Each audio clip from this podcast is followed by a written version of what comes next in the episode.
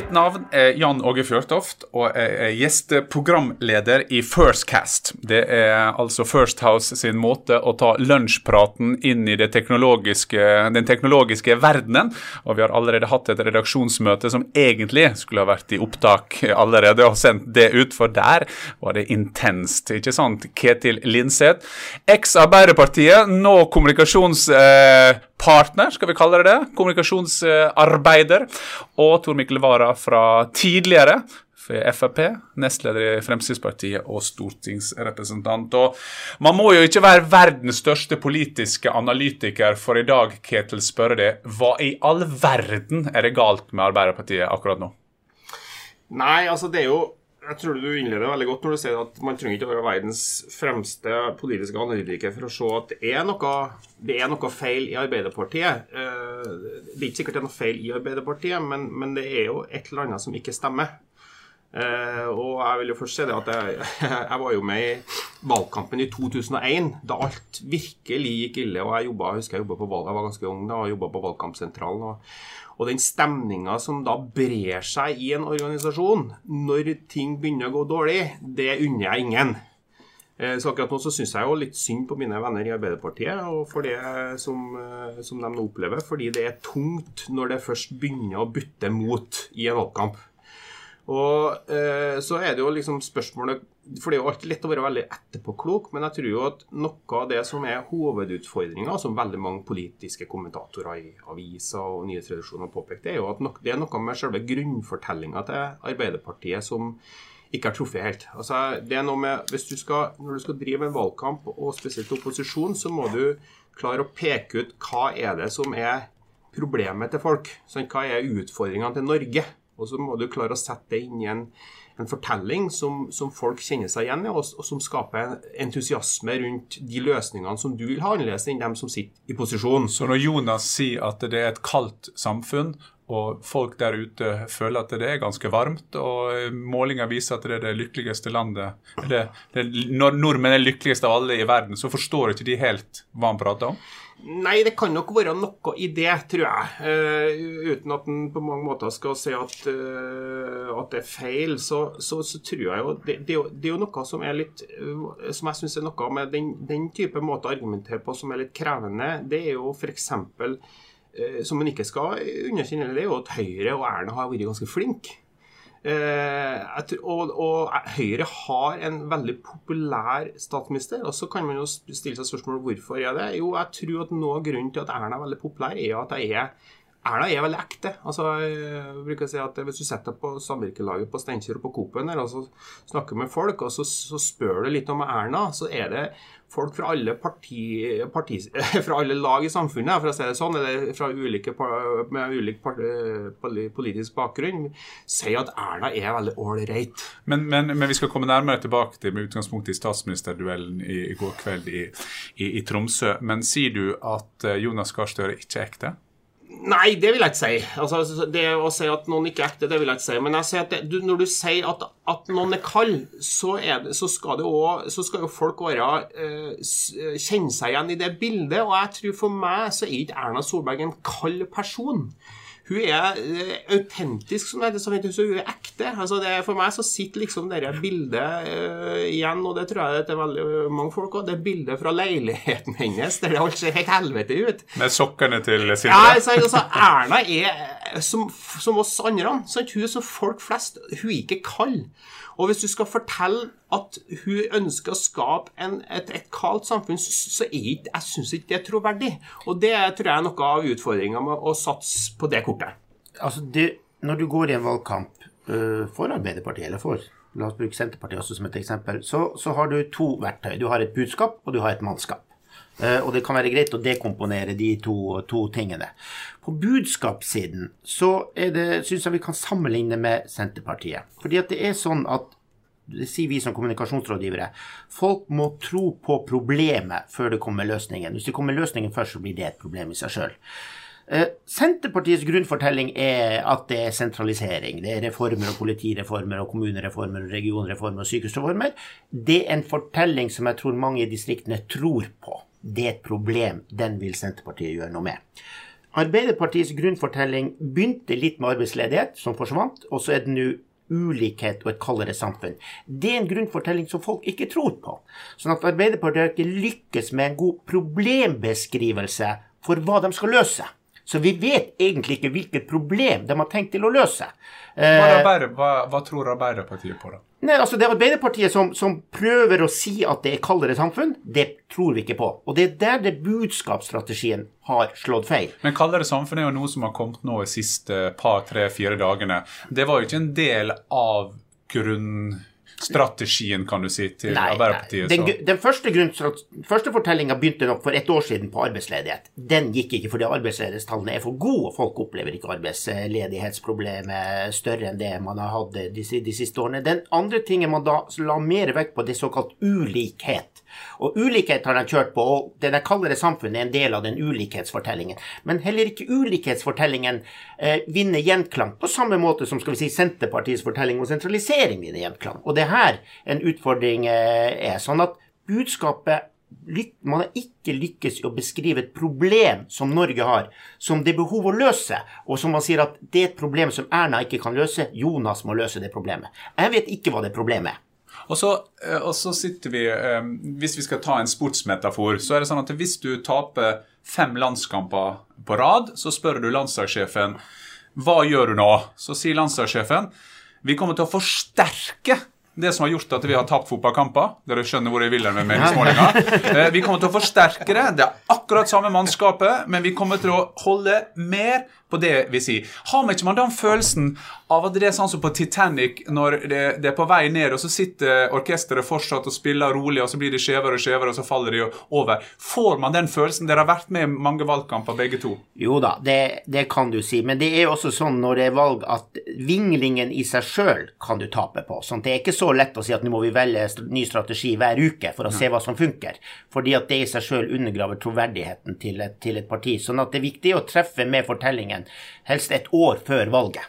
Og det er ikke så lett å gjøre alltid. Så, så vi kan ikke bytte hele tida. Arbeiderpartiet prøver nok å justere seg inn. Uh, men dette er jo på budskapssiden. Den andre siden som, som uh, Ketil er litt innom når han snakker om Erna, det er jo mannskapssiden. Altså hvem som fremfører budskapet. Og, og, det er også en utfordring, tror jeg, for Arbeiderpartiet. Ha, har, eh, sånn som dere ser, Hvis vi skal se på mannskapet Eh, dere har prata om Erna, dere har prata om Jonas. Eh, I går var det statsministerduell. Da så vi de to kapteinene på laget. Men Ketil, hvordan ser du, hvem er det som har beste laget, i og med at Tor Mikkel var inne på det nå, at du har både budskap og mannskap? Vi kan, vi kan jo se det på den måten at Høyre og Erna har en fordel av at de nå har sittet i regjering. Uh, og, og, det er jo litt samme fordel som f.eks. Jens Stoltenberg hadde i 2009. Altså Han var 74 år, det gikk bra med Norge.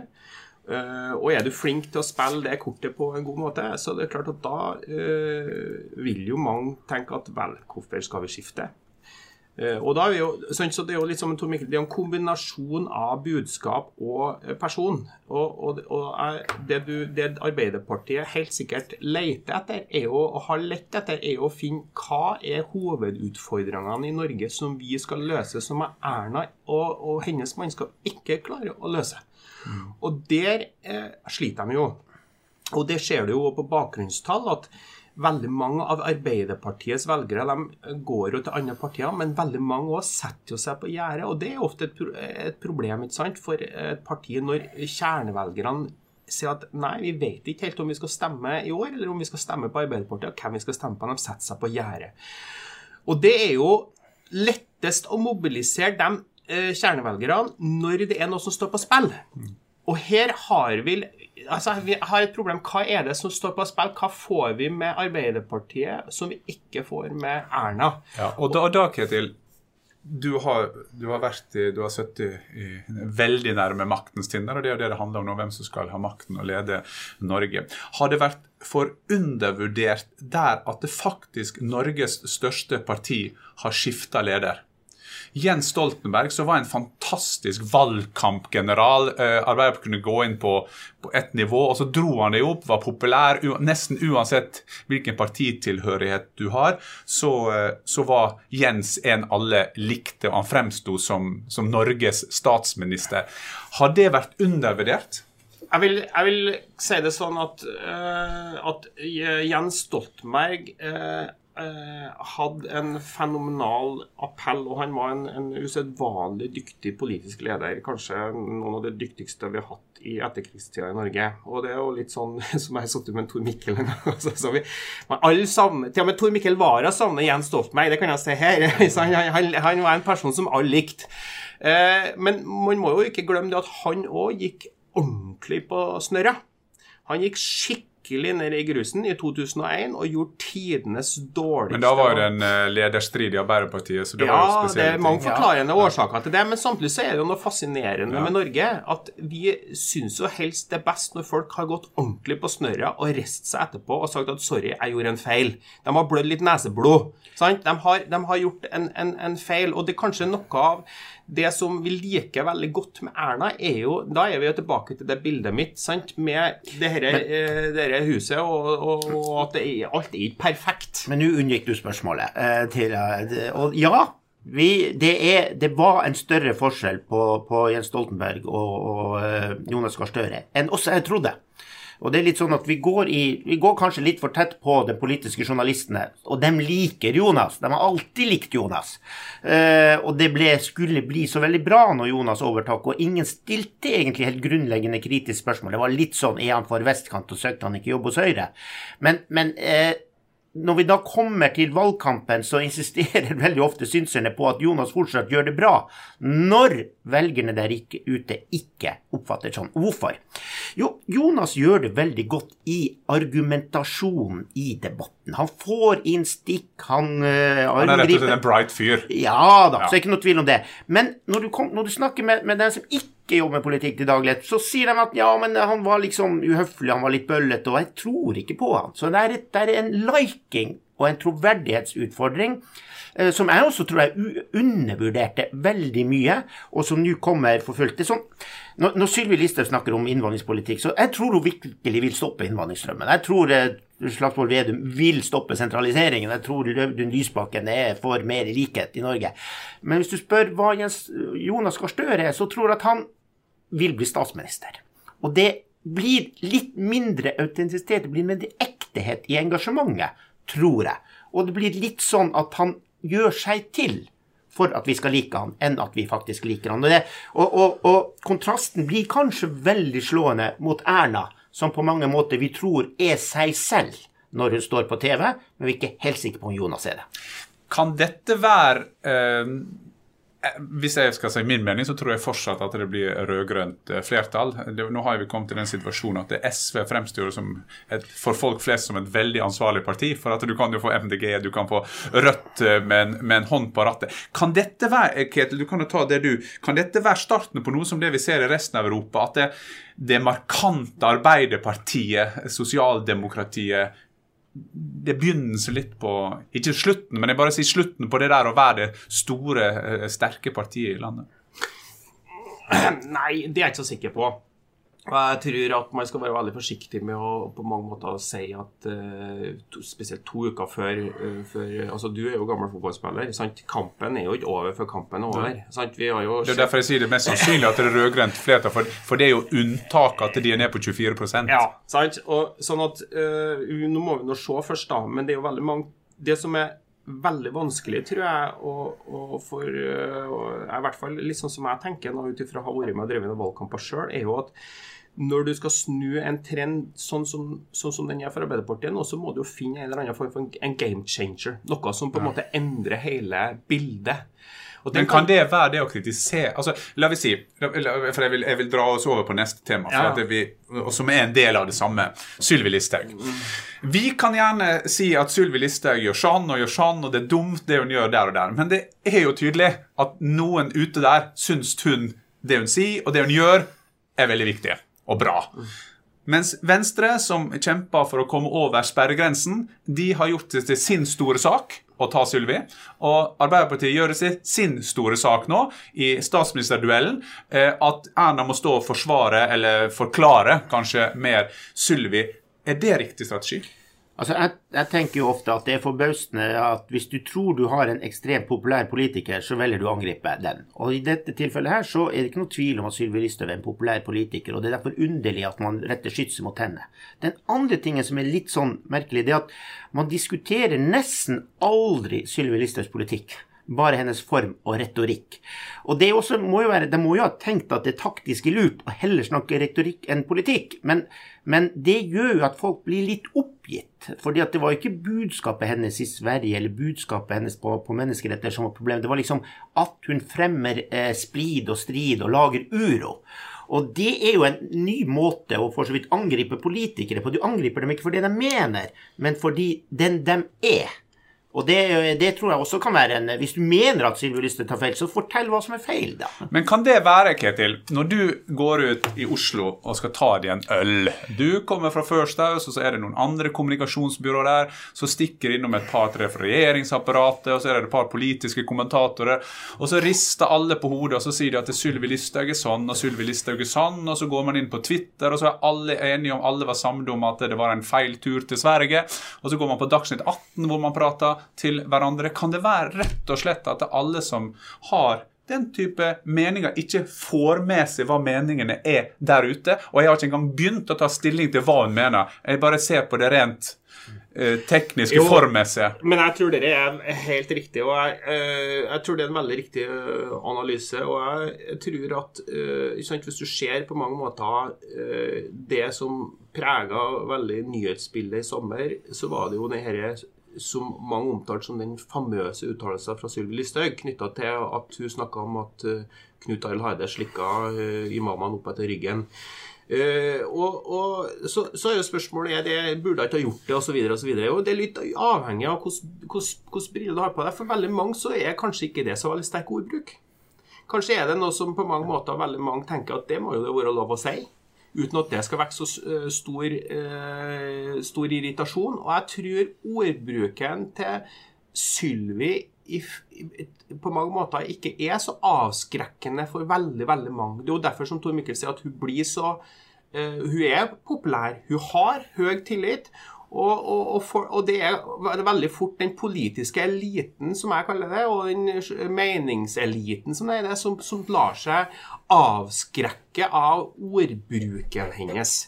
Eh, og da, da, blir jo det Hvis du da ser målingene fra Fremskrittspartiet etter den uttalelsen, så går jo de én vei, og det er oppover. Sånn at Men hvem er det da som hvem er det da nå, altså sånn sagt, Jeg spør for en venn. Hvis at det, Dette er jo ganske innlysende. og så kan man tro på verdier, man skal tro på sin politikk. Men hvis man ser da de, de tøffere og tøffere uttalelsene Sylvi blir, de mer og mer sterke styrker Fremskrittspartiet, hvem er det da F, eh, unnskyld, Venstre og Arbeiderpartiet vil ta ned fra gjerdet? Hvem er det de vil hente ned? Hvem er de? Er det en stor gruppe som sier den, at de tar avstand fra dette? Ja, altså, først, jeg, er ikke, jeg er ikke så sikker på om Sylvi Listhaugs uttalelser er tøffere og tøffere. Jeg tror det blir det nå sånn at fordi hun sier det, ja, så, så, tolkes det sånn. sånn at når hun sier f.eks.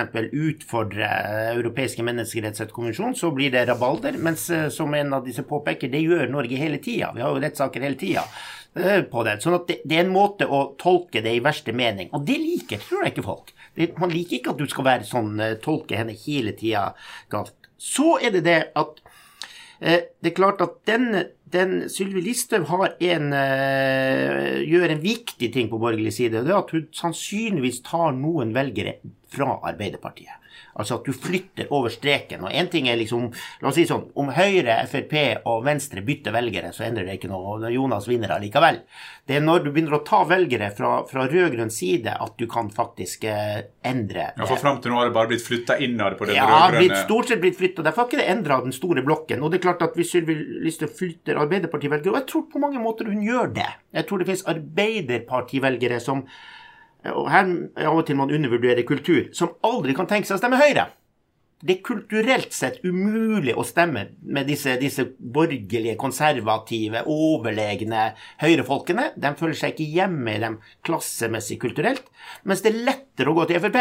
For Frp er liksom kulturelt sett mye mer lik Arbeiderpartiet. Det er, det er liksom oss gutter som tar en øl og prater litt, og vi syns alle sammen at, at uh, innvandringspolitikken er bekymringsfull. Og drar på harrytur til Sverige har aldri vært Og drar på harrytur. Sånn, sånn, og, og, nå gjør statsrådet det òg. Men uh, Ketil, Ketil eh, vi må innom det som Nå prater man om strategi. Hva gjør man når man er ned på 24% Og så er det én offisiell del der man sier at nå må vi bare stå på mer, vi må ut og, og motivere eh, troppene våre.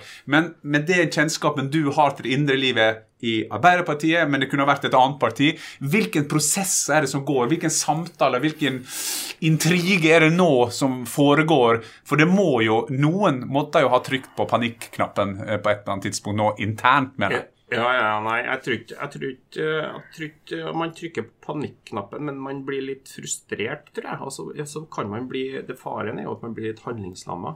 Eh, og at man ikke helt uh, vet hva man skal gjøre.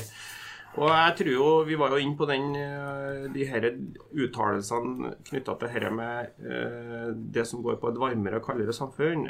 Det er jo åpenbart at det er et forsøk på å skape en konflikt. Fordi at konflikten mangler. altså Konflikten er jo bensin i eh, ofte en, en, valgkamp. Hvis du ikke klarer å få konflikt, så mobiliserer det heller ikke. Og, og Arbeiderpartiet leter nok veldig mye etter å finne hvor er det konfliktsakene. Og, og igjen så, sant, Vi snakker jo mye om Arbeiderpartiet, men jeg vil jo, jeg vil jo rose Høyre. Sant? Fordi at, Det er jo viktig å se på konkurrenter nå, når du skal se på hva er det vi gjør feil, og hva, er det, hva kan vi gjøre annerledes. Og Da tror jeg det er viktigere å se på Høyre. Fordi at Høyre har etter mitt skjønn vært ekstremt dyktig. Eh, på mange områder har gjort veldig mange kloke ting, eh, sånn sett ut ifra å vinne valg. da. Det er jo, det er jo eh, blant annet eh, det og Jeg tror de har i veldig stor grad det eh, De har Hva skal jeg si? De har du er jo gammel fotballspiller, Norge, men de, sant, hvis Arbeiderpartiet har en rask ving, så har, har, har Høyre satt inn en rask sideback. sant? Uh, og Det har de gjort ved at de har tatt vekk f.eks. et spørsmål som arbeidslivsspørsmål. Det, det nesten tror jeg nesten har jo vært bort fra den politiske agendaen. Det har jo Høyre gjort. De har jo gått vekk fra tradisjonell høyrepolitikk. De garanterer for sykelønnsordninga. De har sagt at de ikke vil ha private skoler. Altså, her er jo tradisjonelle, gode Arbeiderpartisaker. Det har jo gjort at et, sånn, som et, sånn som LO, som er veldig viktig i valgkampmaskineriet til Arbeiderpartiet eh, har problemer tror jeg, med klar å virkelig skape stor entusiasme for Arbeiderpartiet mot Høyre og Fremskrittspartiet. Fordi at Høyre har ja, men vi vil ikke gjøre noe annerledes. Vi vil ikke gjøre noe annerledes enn Høyre. Vi, nei, Arbeiderpartiet. Vi, er, vi, er, vi, vil ikke ha noe Vi er òg skeptiske til midlertidig ansatte. Vi vil ha flere faste ansatte. Så vi skal ikke ha noen karensdager. Vi garanterer at de neste fire årene så eh, skal vi frede eh, sykelønnsordninga. Så, sånn at når Ann Gabrielsen som LO-leder prøver å skape et eller annet trusselbilde om at vel får vi borgerlig, fortsatt borgerlig regjering nå, så kan det hende at sykelønnsordninga så har Høyre bare gått og sagt nei, men det er jo bare tull. Nå, snakker, nå driver dere jo valgkamp for Arbeiderpartiet. Dette her er jo ikke riktig. Og da er de igjen med på å svekke dette autentiske, som en Tor Mikkel det, det virker som du konstruerer et fiendebilde og en, et problem i samfunnet som faktisk ikke er der. Og hva står du igjen med da? Jo, da står du igjen med Erna eller Jonas. Og det tror jeg Høyre har kalkulert ganske eh, kynisk på. At eh, Erna er så populær, hun er så godt likt, at det vil kunne bære oss faktisk helt fram til en. Og valgseieren den er på La vi holde oss til Titanic-metaforen. Hvis det isfjellet, det er jo på valgdagen. Og hvis du nå står oppe på broa og, og, du skal eh, se ut på mannskapet ditt som jobber, og du skal se utviklinga, hva, hva, tror du skjer nå framover? Hva, hva, er det neste vi får oppleve? Jeg vet at dette er vanskelig, for det er jo nesten meningsmålinger hver eneste dag. Nei, men altså, det, det, er, en, det er, en, viktig ting som, som, er den verste du kan oppleve, og her synes jeg nesten synd på Arbeiderpartiet, det er at du får sånne selvforsterkende trender. Hvis hvis du blir taper, så forsterker det seg. Fordi at det er nå engang sånn for velgerne også, at de har gjerne lyst til å stemme på dem som vinner. det høres rart ut. Var det det dere kalte bandwagon? ja, den, den vogna begynner å rulle, og hvis den går gal vei, så hopper du av. Og hvis du tror den vinner, så hopper du på.